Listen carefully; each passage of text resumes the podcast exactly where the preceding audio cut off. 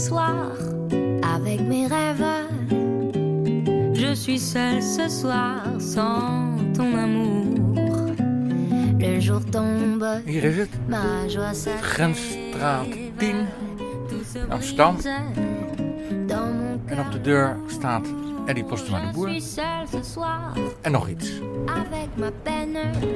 Ik bel aan. J'ai perdu l'espoir de ton retour. Et pourtant, je t'aime encore et pour toujours. Dag Eddie, goedemorgen. Kom binnen. Hi. Ik zie het bordje hier op de deur. Ja, goed hè? Fotograaf. Ja, voor, voor- ja. Dus ik ben aan het goede adres. het goede adres. Ja. Oké. We gaan twee trappen op. Want kijk, wij wonen hier. Dit is de benedenverdieping met huiskamer, keuken. Boven is Henriette werkkamer en slaapkamer. Dan moeten we een deurtje door naar twee hoog en daar is mijn studio. Zullen we dat meteen maar doen? Laten we dat doen. We moeten alles bij de hand hebben, toch? Het gaat om de foto's. Ja, dan moeten we naar boven.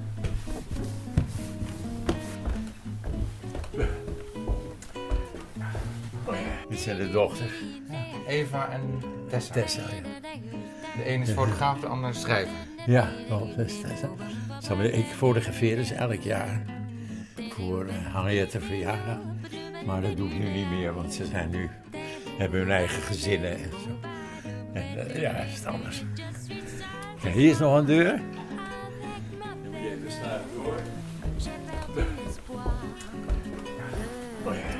Het was een dubbel bovenhuis en een dubbel benedenhuis. En toen we het kochten, woonden daar nog mensen. En toen kwam er een verdieping leeg en dan heb ik het woonrecht afgekocht. Om daar een studio te kunnen maken. Nou, genoeg werkruimte hier. Ja. Het geluid wordt gedempt door de Ja. boeken die hier staan. Ik ben op bezoek bij Eddie Postuma de Boer. 87 jaar oud en al 50 jaar werkzaam als fotograaf. In de meer dan 80 landen die hij in de loop der tijd heeft bezocht, heeft hij altijd zijn oog laten vallen op de mens. Of op wat die mens tot stand heeft gebracht. De titel van zijn dikste boek uit 2015 drukt uit waar het Eddie om gaat: het menselijk bestaan. Op de cover staat een kind dat de borst krijgt. Ik praat met Eddie over zijn loopbaan en over de vijf belangrijkste foto's die hij in 50 jaar heeft gemaakt.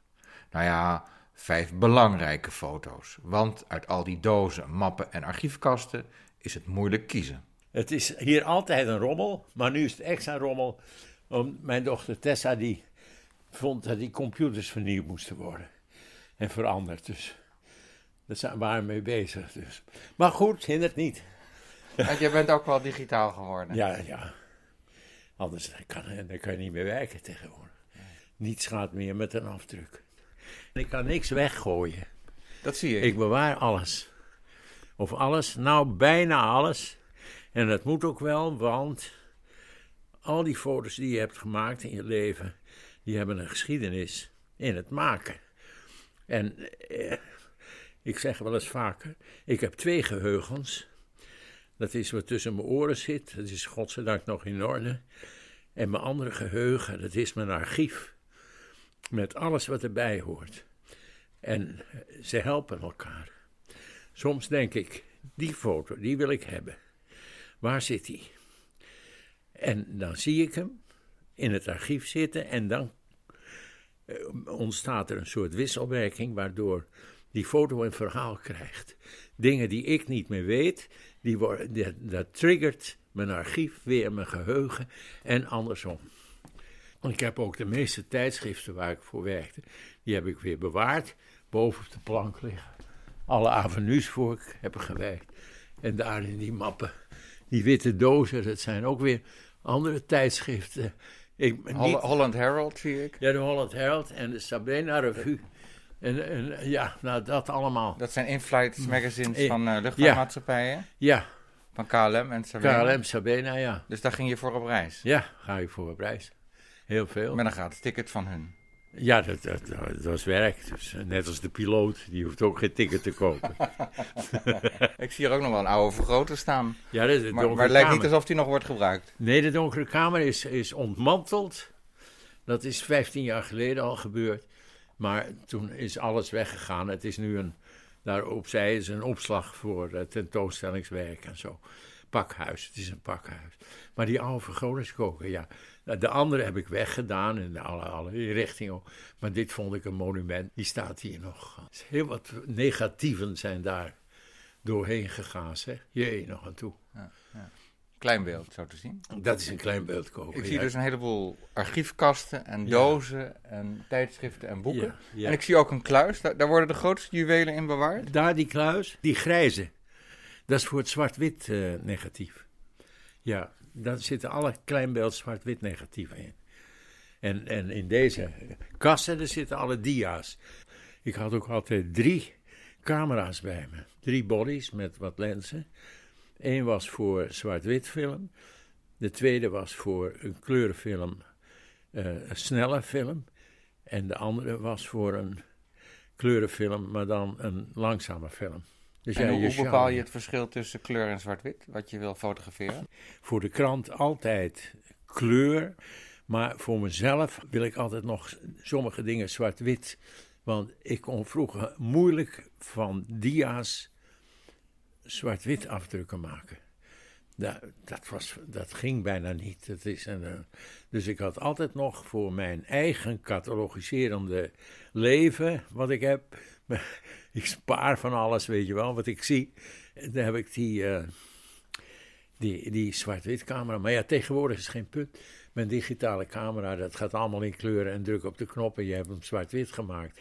Vind je dat resultaat goed genoeg? Ja. Als je van kleur oh zwart-wit maakt, Oh ja, ja zeker. Ja. je moet in Photoshop uh, doen wat je anders in de donkere kamer deed. Contrast bepalen en een beetje bij, dit en dat, zus en zo. Nou, dat is, ja, dat is goed.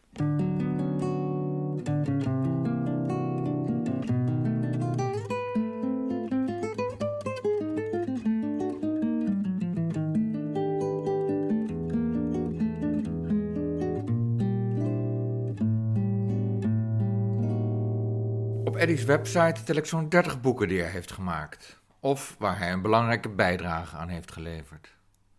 En een uitgever heeft een nieuw verzoek bij hem neergelegd, voor een boek met zijn 100 beste foto's. Maar hoe moet hij die in hemelsnaam kiezen? Denk ik, ja, die 100, het wordt één grote rotzooi van foto's. Er worden geen mensen wijs uit. Dus. Ja, toch geloof ik dat niet, want jij bent wel een man van categoriseren. Ja, maar dan moeten er tien van die en tien van dat en tien van zo. Dan zeg je, ja, honderd beste foto's. Dan ben je weer aan het catalogiseren. dus ik ben daar nog niet uit. Maar jij brengt al elk jaar zo'n mooi boekje uit ja, voor vrienden. Ja. Hoe heet zo'n boekje? Dat heet een uh, nieuwjaarsboekje. En dan heb je ook thema's.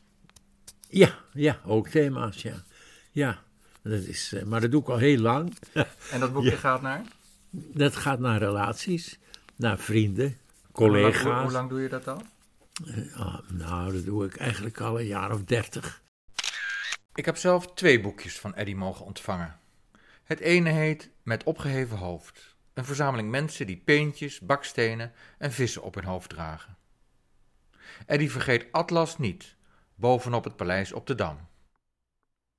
Het andere boekje heet The Hunger Kitchen. Het toont in tal van landen keukens waar Schraalhans de scepter zwaait. In het voorwoord brengt de fotograaf ons in de herinnering hoeveel mensen in deze wereld in extreme armoede leven. En nog fijne feestdagen gewenst. Ik heb ook een paar keer een duimboekje gemaakt, een heel klein duimboekje. Dat als je prrr doet, dat je iets ziet bewegen. Dat had ik gemaakt van een serie foto's van de pianist Thelonious Monk in het concertgebouw. Daar zat ik toen vlak achter de vleugel. En toen had ik een paar keer gefotografeerd uh, met verschillende. Nou, de, en als je het zo doet, dan beweegt je hand. Ja. Iets uit je jeugd, een duimboekje. Ja, ja. Ken je misschien wel. Begin van de film. nou herinner ik me opeens, je hebt me toen ook op het idee gebracht van, uh, van zo'n serie kaarten die je dan uit elkaar kan trekken. Ja, Leporello. Een Leporello. Ja. ja. Ja, Leporello. Ja. Dat maak ik nog wel eens voor vrienden met, als juwelier of wat dan ook. En, uh, ik had voor Notenboom, toen hij 80 werd. Cees Notenboom? Ja, Cees Notenboom. Toen werd hij 80, toen heb ik een leporellum voor hem gemaakt. Met allemaal bomen. Foto's van bomen, maar wel bomen die we samen op reis hebben gezien. In de jaren 60, 70. Was het voor Avenue? Was voor- meestal voor Avenue, maar later ook wel voor andere tijdschriften. En ook zomaar dat we Parijs, mei 68, zijn we samen zomaar naartoe gegaan. Toen was hij nog columnist bij de Volkskrant. En eh, ik ging gewoon mee om te fotograferen. Hebben later heeft hij er nog een boek van gemaakt. Over al die eh, demonstraties en eh, studentenbijeenkomsten en wat dan ook. De Parijse beroerte.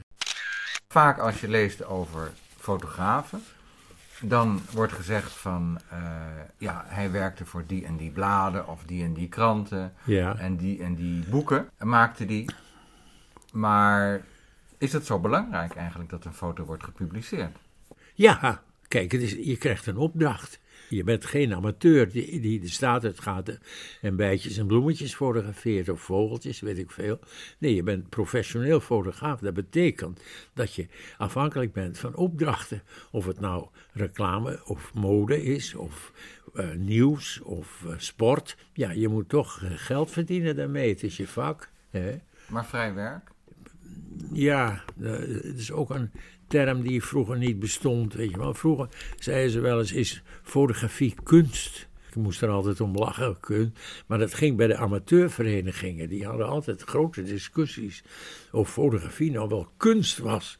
Want dan moest je wel zien als mag. Nee, nee, helemaal niet. Het is gewoon een opdracht. Je wordt ergens heen gestuurd. En je doet je werk en je levert een foto in. En dan krijg je daar geld voor. Zo is dat. Maar ik zie toch ook een heleboel foto's die je hebt gemaakt die niet een opdracht waren. Ja, maar als ik ergens naartoe moest, eh, dan deed ik mijn opdracht altijd wel, natuurlijk, en met de nodige zorg. Maar ik keek altijd om me heen, want ik ben een nieuwsgierig van aard. Als ik in de straat loop, denk ik, wat is dat nou? Oh, leuk, fotootje maken van wat is dat nou?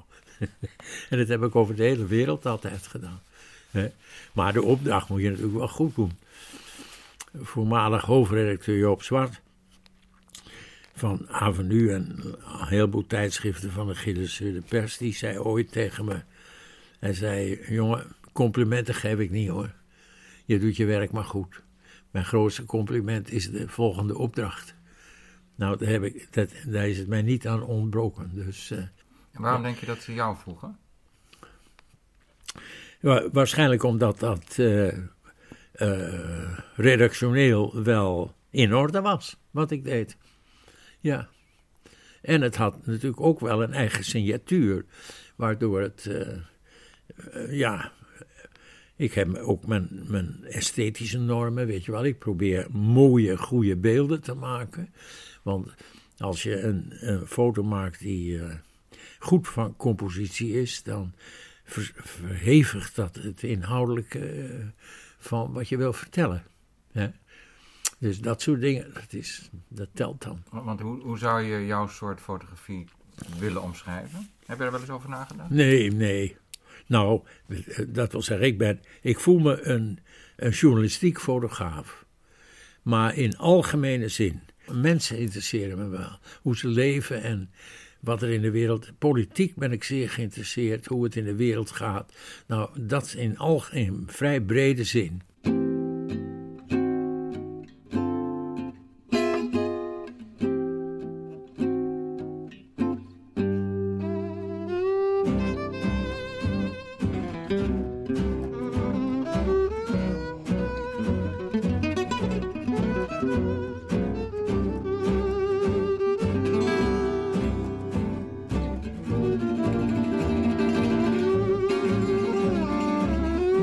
Wat ik opmaak eh, uit, uit jouw woorden en uit jouw foto's is dat wat je daarop ziet, dat je dat elke dag kan meemaken eigenlijk. Ja. In Ja, Nederland of in Parijs ja, of elders. Je ja. documenteert het leven. Ja, ja. Maar dat, eh, ik beschouw het als onderdeel van mijn nieuwsgierigheid.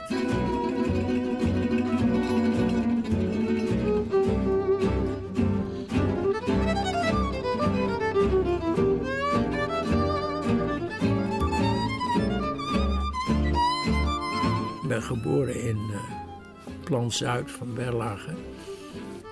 En het is nog steeds een fantastische buurt met een architectuur, daar heb je niet van terug. Berlage die uh, had een aantal architecten uitgenodigd. Algemene, katholieke en protestantse woningbouwverenigingen. Die hadden allemaal een eigen gezicht. En daar heb ik eigenlijk al leren kijken. Fantastisch. Daar is mijn nieuwsgierigheid ontstaan. Ik heb nog steeds het idee als ik over sta, over die stoeptegels. Ik vond stoeptegels die lagen op een bepaalde manier gerangschikt en daar kon je overheen springen. Dat soort dingen. en deuren waren allemaal anders. Dan ging ik naar een vriendje toe, die had een heel andere huisdeur. En dat, dat was ook mooi. En, en poortjes naar straatjes toe en zo. Dat is op middelbare school, mijn favoriete vak, dat was aardrijkskunde. Ik was zo geïnteresseerd in hoe de wereld in elkaar zat. Ook uh, geschiedenis, hoe, hoe het zat en zo, dat, dat vond ik het leukst.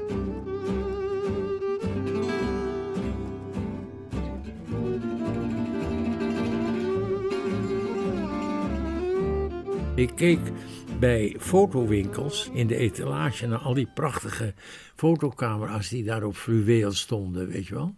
En, uh, oh, dat, en misschien dat ik daardoor wel geïnteresseerd ben geraakt in fotografie. Ik vond, een ander verzamelde postzegels of wat dan ook. Nou, ik vond dit oh, oh, mooi. Wanneer maakte je je eerste foto? Dat is geweest in de oorlog. Toen had ik een uh, boxcameraatje geruild voor een pak lucifers. Dat was allemaal ruilhandel. Hè. Goeie ruil? Ja, een goede ruil. De jaren 43, 44. En toen heb ik dan met dat boxcameraatje wel foto's gemaakt. Ja. In de oorlog? In de oorlog, Mocht ja. dat? Uh, ja, ja, ja, ja, ja, dat kwam van vriendjes of zo, weet je wel. Op papierfilm was het nog. Uh, en simpel. Papierfilm? Ja. Ja, er was geen celluloid meer. Dus je zet een, een, stukje fotopapier in de camera? Nou, dan kon je kopen papierfilm. Er waren mensen die, die, die hadden papier en goten ze een emulsie op. En een man op den Halemerdijk verkocht dat. Ja, papierfilm, papiernegatieven. Dan moet ik even een, een parallel zijweggetje. Ik heb in mijn leven een aantal keren een straatfotograaf gefotografeerd. Eh, die ken je nog wel. Die jongens die staan op straat, die hebben een statief en er staat een kast op. In die kast zit een donkere kamer. Nou, en, dus de camera was een donkere kamer ook? Ja, ja, dat is een kast met alles erin, met ontwikkelaar en fixeer. En daar kon je laten fotograferen. Wat deed die man? Je ging ervoor staan en hij maakte een foto op een ansichtkaart. Een formaat fotopapier. Die ontwikkelde hij. Dan haalde hij, als hij gefixeerd was, eruit. En dan had hij voor de lens van die camera een plankje, daar plakte hij hem op. Was een negatief, op papier. Dat fotografeerde hij weer, ging hij weer in die kast dat ontwikkelen. En dan uh, spoelde hij het een beetje af en hij droogde het af. Alsjeblieft, 50 cent, weet je wel. Dan stond je met je vriendin op een foto. Ik heb nog een paar van die dingen hier liggen. Nou, dat is ook een papiernegatief, had hij. Mooi hè? Ik heb het in Mexico laten doen, ik heb het in Roemenië laten doen. Ik heb in Afrika een paar van die fotografen gefotografeerd. En die bestaan nu niet meer, want iedereen heeft tegenwoordig een telefoontje met zo'n stokje, weet je wel. Een selfie stick en je kunt jezelf fotograferen voor de Eiffeltoren of wat dan ook.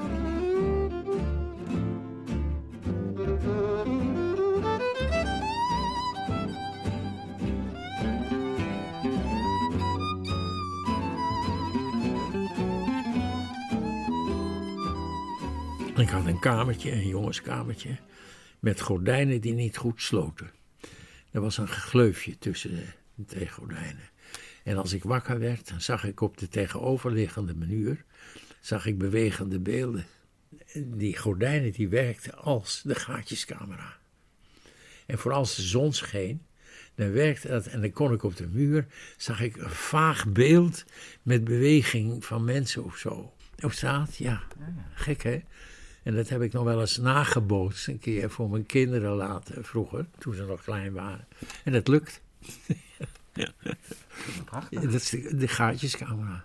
Ja. Oerfotografie. Ja. Zo is Ja. het ook begonnen. Ja, ja, ja. Eh, Ik heb een keer, dat was in de jaren zestig, toen had ik een, eh, trouwens ik heb hem nog, Een hele oude, 1824 was de, de maat destijds. Een uh, ateliercamera had ik. Met van die losse cassettes. Ik weet begon niet wat voor lens erop zit, maar nou, het, het was iets met een dop. Er zat geen tijdsluiter op. Je moest de dop erop doen, dan de klep open doen van de cassette. En dan uh, zeggen tegen me even stilzitten. En haal je dop eraf zo en dan gauw weer op. Toen dacht ik, ik ga er eens een paar portretten mee maken, kijken of het nog lukt.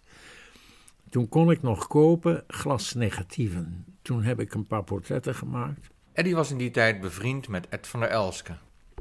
Ik zei tegen van Ed, ik ga dat doen, wil jij zitten?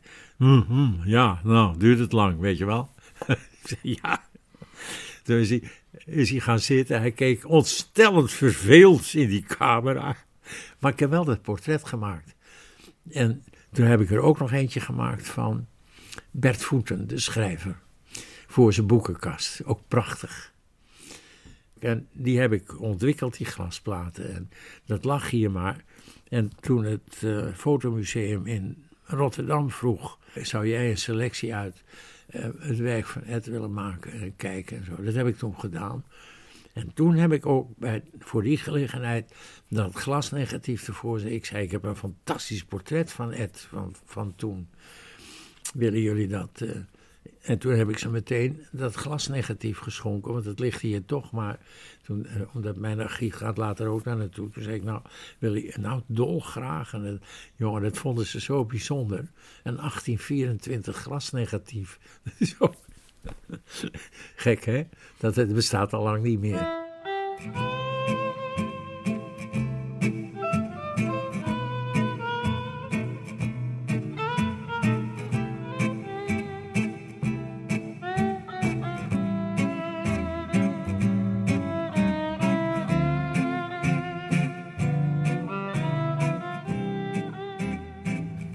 Naar de vijf belangrijke foto's. Wat wordt de eerste, Eddy? Die zal ik je laten zien. Die is uit uh, de jaren 50, 60 van een groep fietsers op het Halemerplein. En dat is een iconische foto geworden van, uh, uit die periode. Kunnen we die foto eerst bekijken? Ja. ja? Hier, dit. Ik zal even, even een paar dingen dat, dit zijn werkexemplaren van mijn boeken met archiefnummers en zo. Zal ik je even laten zien. En dan kan ik ze even tonen. Sorry. Even. Ja, kijk. Dat is deze foto. Ik zie hier mensen op de fiets. Die staan te wachten op het stoplicht. Geen stoplicht. Toen was er nog een verkeersagent met een klapbord op het Haarlemmerplein. Je kon niet door rood fietsen toen. Nee, nee, nee. Iedereen keurig wachten. En kijk, wat er aan de hand is, toen waren er nog geen auto's. Bijna niet. In die tijd. Iedereen ging op de fiets naar zijn werk. En het is zo wonderlijk, want uh, die stroomfietsers van de buitenwijken naar de binnenstad, die was ochtends enorm. En in de namiddag, als het werk klaar was, dan ging die hele stroomfietsers weer terug. En dat is dit moment, dan kwamen ze de Halemerstraat uit, op weg naar Nieuw-West, naar West, naar Bosselommer en zo. En dan stonden ze daar te wachten bij, bij dat klapbord. En dat is, het is ook een mooi beeld. Je ziet die, die gezichten van die mensen en die fietsen en zo. Dat staat allemaal te wachten, keurig netjes. En het was vies weer? Ja, ja, wanneer is het geweest? In december geloof ik ook of zo. Ja. 1957? 57, nou kan je nagaan. We zijn nu 60 jaar later en die Haarlemmerstraat is nog steeds een hoofdroute voor fietsers. Ja, maar het vreemde is, uh, uh, later ging iedereen een auto rijden. Hè? Alles raakte bevolkt. Toen kreeg je de parkeermeters en de parkeervergunningen en zo.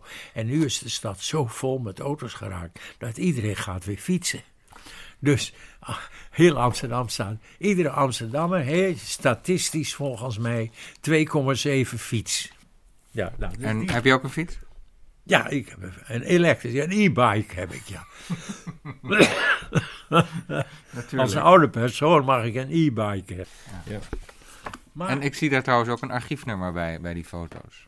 ja, dat is. eh, dit is mijn. Heb je dat met al je boeken gedaan? Nou, dat, dat heb ik gedaan op verzoek van Flip Bol. Die zei: Als je een boek hebt gemaakt, neem één exemplaar. En zet in dat boek je archiefnummer, zodat wij dat later ook terug kunnen vinden. Maar daar ben ik weer slordig in, want dat heb ik op de latere boeken weer niet gedaan en zo. Maar goed, hier heb ik het wel bij gedaan. En eh, hoe heb je die foto gemaakt? Het is gemaakt met een Leica 3C met een 13,5 centimeter. Weet ik nog. Ja, goed, hè? Dus 135. Dus deze komt uit het boek Stad van mijn leven. Ja. Ja, over Amsterdam. Nummer 2. De gebalde vuist. Ik was in New York aan het fotograferen voor het tijdschrift van de KRO, voor Studio, voor het kerstnummer. En toen hadden we een interview met Walter Cronkite, de journalist. Televisiepersoonlijkheid. Ja, fantastische man. Toen het klaar was, toen liep ik de straat op. Toen kwam ik in een demonstratie terecht tegen de Vietnamoorlog. Die was toen aan de gang. En er was een enorme, een lange groep studenten en mensen, jongen, die gingen tekeer naar voorop. Daar liep een vrouw, Bella Abzoek. En Bella Abzoek was een, een feministe uit- van het eerste uur daar. Een democrate, jongen, een fantastisch mens. Daar stonden allemaal politieagenten, jongen. Het was een heisa, bijna een, een veldslag, weet je wel, net niet. En toen stond daar deze jongen. En die stond zo met zijn vuist omhoog. Iets te roepen. En die, toen heb ik die vuist gefotografeerd met dat profiel. En dat staat voor revolutie, voor verandering, voor vernieuwing. Dat is een linksgebaar. En dat is in tegenstelling tot. En toen heb ik. Heb ik in, Tegenstelling stop. de Hitlergroep. Begrijp je?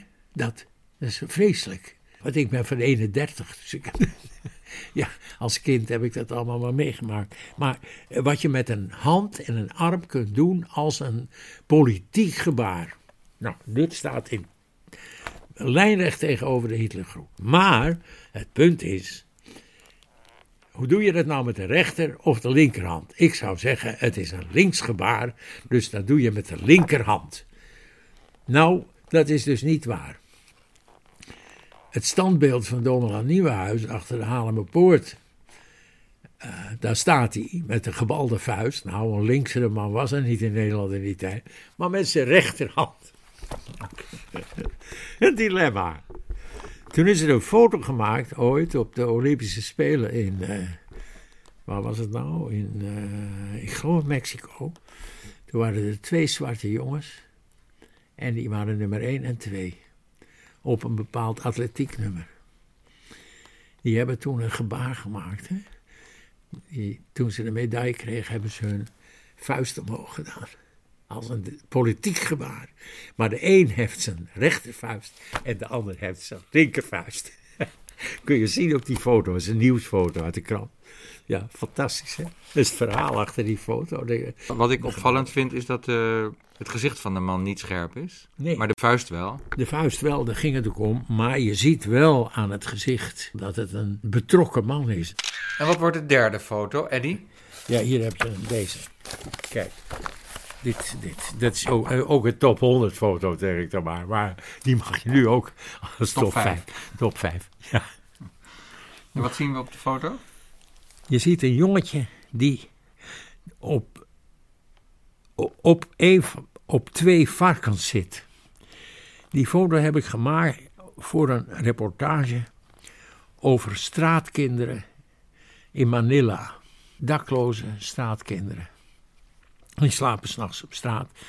En die hebben geen huis meer. En dit en dat. En die jatten de hele boel leeg om aan eten te komen. Maar nu is er een, een Belgische missiepost, de Paters van Scheut, uit Brussel. En die hadden een weeshuis daar. En daar werden die jongens naartoe gebracht. Als het heel erg met ze was, dan mochten ze daar verblijven. En dan werden ze een beetje heropgevoed. En dan kregen ze een beetje school en dit en dat. En Toen heb ik, behalve die kinderen op straat, heb ik daar ook gefotografeerd. En in dat huis, er waren ook paar varkens die ze moesten verzorgen. Die werden natuurlijk later opgegeten, maar dat vonden ze fantastisch. Nou, toen heb ik die foto gemaakt van dat blije jongetje. En dat is voor mij een belangrijke foto geweest. Want de armoede in de wereld en het lot van kinderen door oorlogsomstandigheden, ook door natuurrampen en noem het maar. En als het in een arm land gebeurt, kinderen zijn waanzinnig de dupe daarvan. Gaan niet meer naar school. Het is, je ziet het nu weer in Syrië. Een kapotte jeugd, hè? Totaal kapotte jeugd. Nou, dat is, en dat zit achter deze foto. Leven die nog, die varkens? Nee, niet meer. Nee, die, die foto is ook uit uh, 77. Maar... Nee, maar ik bedoel, of ze op het moment van de foto nog leefden. Ja, ja, ja, ja, ja. Knorrend hoor. Ja, ja, die werden goed verzorgd. Maar die, die laten dat zo toe, dat die jongen daar... Ja, oh ja, ja, varkens. Nee.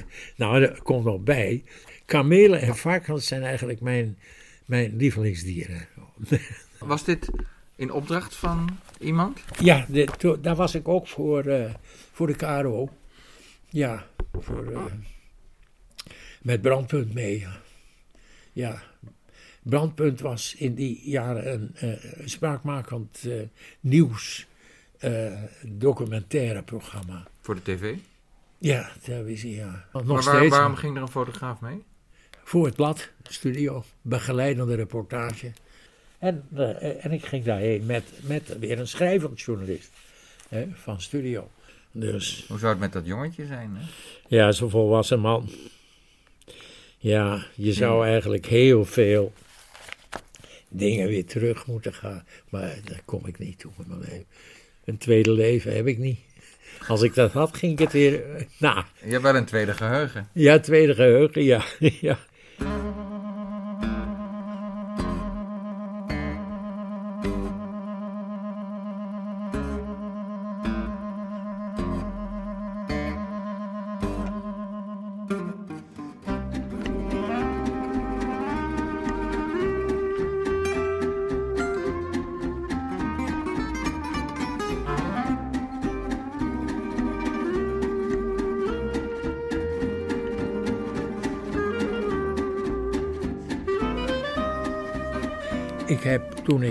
Begon te fotograferen, heb ik aan toneelgroep Puk gevraagd of ik daar alle acteurs mocht fotograferen. En die hadden een werkruimte ergens op de Stadhouderskade. Toneelgroep Puk voor jonge mensen. Er waren uh, uh, mensen bij, zoals Wim van Heuvel, Jan Blazer, Leen Jongewaard, Adela Meetman, wat later Bloemendaal was. En uh, Karin Haag, allemaal jonge mensen, fantastisch. Die heb ik allemaal geportretteerd. En daar is Leen Jongewaard. En toen heb ik later Leen weer eens gefotografeerd en die naast elkaar gezet. We zien hem in 53 en in 84. Ja, mooi hè? En hier. Jan Sierhuis, de schilder. Die fotografeerde ik. Een van de allereerste portretten die ik maakte. Met een klapcamera. En Rudy van Danzig, ja. Ook. Er zit ook een aantal jaren tussen. En Paul Huff had hetzelfde gedaan. En Max Koot ook. Uh, hebben dat met z'n ding. En Kraai natuurlijk. Ja. Ik heb ook veel portretten gemaakt voor uitgeverijen. Ik heb uh, schrijversportretten, politici, noem het maar op. Want in de jaren 50, 60, toen de televisie ontstond en een belangrijke plaats ging innemen in de huiskamers, toen hadden de kranten, die liepen altijd achterop met het nieuws, want het was al op televisie geweest. En bij de kranten ontstond toen de behoefte om meer achtergrondinformatie te geven over het nieuws. Daar hoorden interviews bij. Bij interviews, geschreven interviews, moet een portret of een anderszins uh, foto. Dus toen is die uh, journalistieke portretfotografie kreeg voorrang. Nou, dat heb ik geweten. Hè? Ik moest overal naartoe om weer. Nou had ik wel eh, een keer stage gelopen bij een, in mijn prille begin bij een Amsterdamse portretfotograaf. En dat vond ik heel interessant. Over, daar leerde ik wel over de anatomie van gezichten. Dat je iemand met een langwerpig gezicht nooit zijlicht moet geven, want dan wordt het nog langer. Dat is niet. en iemand met een bol gezicht, die kan je wel zijlicht geven, want dan gaat het bollen een beetje weg. Nou, dat soort dingen. De, de anatomie die een rol speelt bij het maken van portretfoto's. Het is tijd voor nummer 4. En dat is een foto. Van het ei. Dat je de pont en het museum ziet met een rondvaartboot. En dat is, ik vind het zo'n prachtig beeld, Amsterdams beeld. En hij staat hier, geloof ik niet. Staat hierin? Ja, maar volgens mij staat hij hier. En ja, deze. Een totaal ander beeld. Digitaal, weet je wel. Huppakee, die jongen doet mee, hè? Hé, hey, kijk. 2018. 2018. Nou, vind je niet, er moet er toch bij? Eentje van nu. En Hè? het zijn eigenlijk drie schepen, hè? Ja, het zijn drie schepen, ja. En dit lijkt, nou, dit lijkt wel een vliegtuig. Het is net een soort jup, ja. Ja, ei, ei. En dit is die, die nieuwe pont. En dat waf, waf, dat is die mooi. En dan die klassieke rondvaartboot erbij. Dus ik vind het zo'n mooi Amsterdams beeld van het ei. Ook als contrast en dat het van nu is. Dan nog een vijfde belangrijke foto. We gaan op zoek in Eddy's dikke overzichtswerk. Het menselijk bestaan.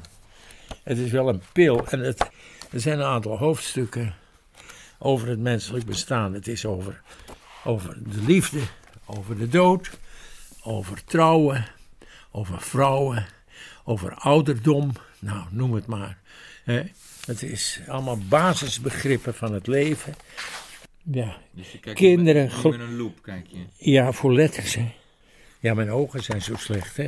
Je hebt moeders, de liefde, kinderen, gelovigen, mensen op zondag, armoede, voedsel, mens en dier, arbeid, de kunst van het bedelen, met de muziek mee, vrouwen, mannen, dranklust, ouderdom, dood. Nou, Meer is er niet, toch? meer is er niet, dacht ik. En er is één ding dat een beetje gek is. Dat je zijn mensen op zondag. En dat heeft te maken met een film die ik ooit zag in de uitkijk in de jaren zestig, denk ik. En dat was een film die heet Menschen am Sonntag. Een film die gemaakt is door Berlijnse eh, filmers die later allemaal naar Amerika zijn geëmigreerd. De, de Billy Wilder, Robert Siotmak. En die hebben dat gemaakt omdat in die jaren twintig van de vorige eeuw kregen arbeiders vakantie.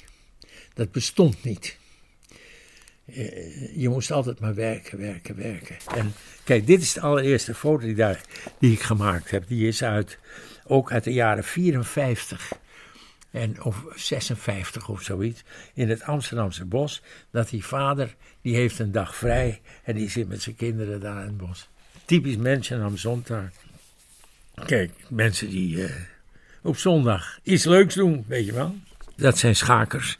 Die zitten te scrabbelen aan het strand op de promenade Anglais in Nice. En dit is een Miami, ja. Ja, dit was een fantastisch beeld, hè. Een zwarte en een blanke, die bij elkaar horen. Is niet mooi? En Je je foto is niet zo al te best, maar nou ja, goed. Mensen aan zondag. Dat was in Noord-Ierland, in die eh, ontzettende slechte tijd met het Engelse leger daar. Op die foto er zit een mannetje en, eh, in, in een restaurantje en buiten lopen de soldaten rond. Dus kiezen we hier eentje uit? Ja, nou, ik vind dit eigenlijk wel een beeld hoor. Die heb ik gemaakt in, eh, in Dubai. Een eh, camel race track waar kamelenracen gehouden worden. En voordat dat begon, moest er gebeden worden. We zien hier een rij mensen midden in de woestijn. Oh, dat was echt een, een grote zandvlakte.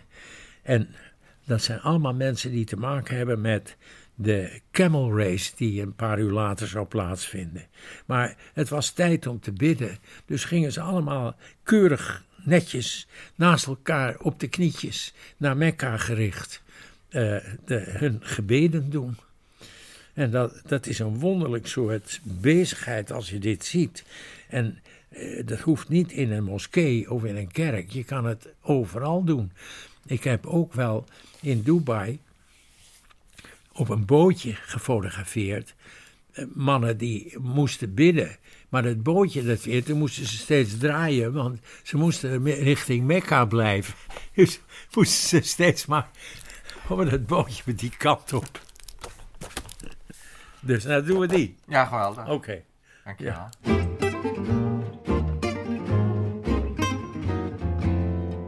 Heb je een opleiding gehad? Nauwelijks. Ik heb, ik heb wel de fotovakschool gedaan.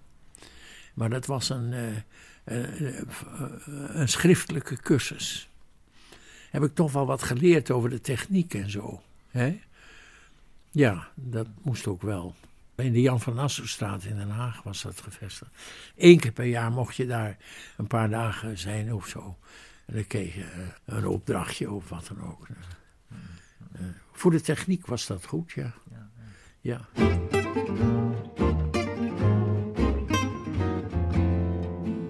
Wat ik wel bewonder is, wat ik nooit toegekomen ben, fotografen die, die ellende, die oorlogsellende fotograferen. Daar, daar heb ik waanzinnige bewondering voor. Jeroen Olemans, overleden, een, scherpschutter, weet je wel. En dan was er nog die fotograaf uit van Parimatch, die in, in Budapest toen door een scherpschutter. En Eddie Wessel en zo ook. Ik heb daar grote bewondering voor. Dan moet je godverdomme lef hebben om en jezelf beschermen en toch je werk te doen. Hè. Je, moet, je wil die foto's maken. Daar gaat het om. Daar, die drang, die daadkracht. Daar heb ik grote bewondering voor, ja. Het zijn geen reclamejongens die zeggen het kost zoveel, hè. Je doet het gewoon. Je ziet wel wat er van komt. En je eet wel een happy of wat dan ook. Het is, ja, het gaat niet om het geld. Het gaat om waar je mee bezig bent.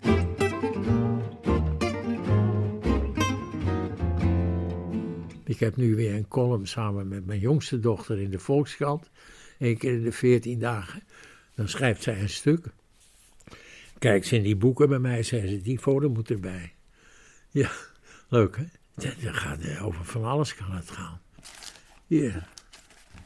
Hier is Rijn. Ja. Kijk dit. Een hele pagina? Ja, een hele pagina in een bijlage. Mooi hè? Dit is een hongerwinter in Tajikistan. En hebben ze een stuk geschreven. Maar we zien een, uh, een armoedige familie met Ja. een hoop kinderen. De jaren 80 is dit. Nee. Eh, begin jaren 90 of zo. Toen was er in eh Tajikistan, dat is een voormalige Sovjet-republiek. Daarvoor werd alles betaald door Moskou. Eh, als het maar in de leer was. Maar toen moest ze zichzelf bedruipen. En dat viel in Taj- Tajikistan, was een arm land. En die had ook bijna geen economie. En er was nog een afgelegen deel. wat nog te lijden had onder de Mujahideen van Pakistan. Toen ben ik dan met het Rode Kruis terechtgekomen. En toen heb ik die, die gezinnen gefotografeerd daar. En die mensen zien eruit alsof het jaren 50 is of Ja, zo. nou ja, dat er zijn achterstallige gebieden in de wereld hoor. Waar het niet allemaal Hema en Blokker is. Nee, nee, nee.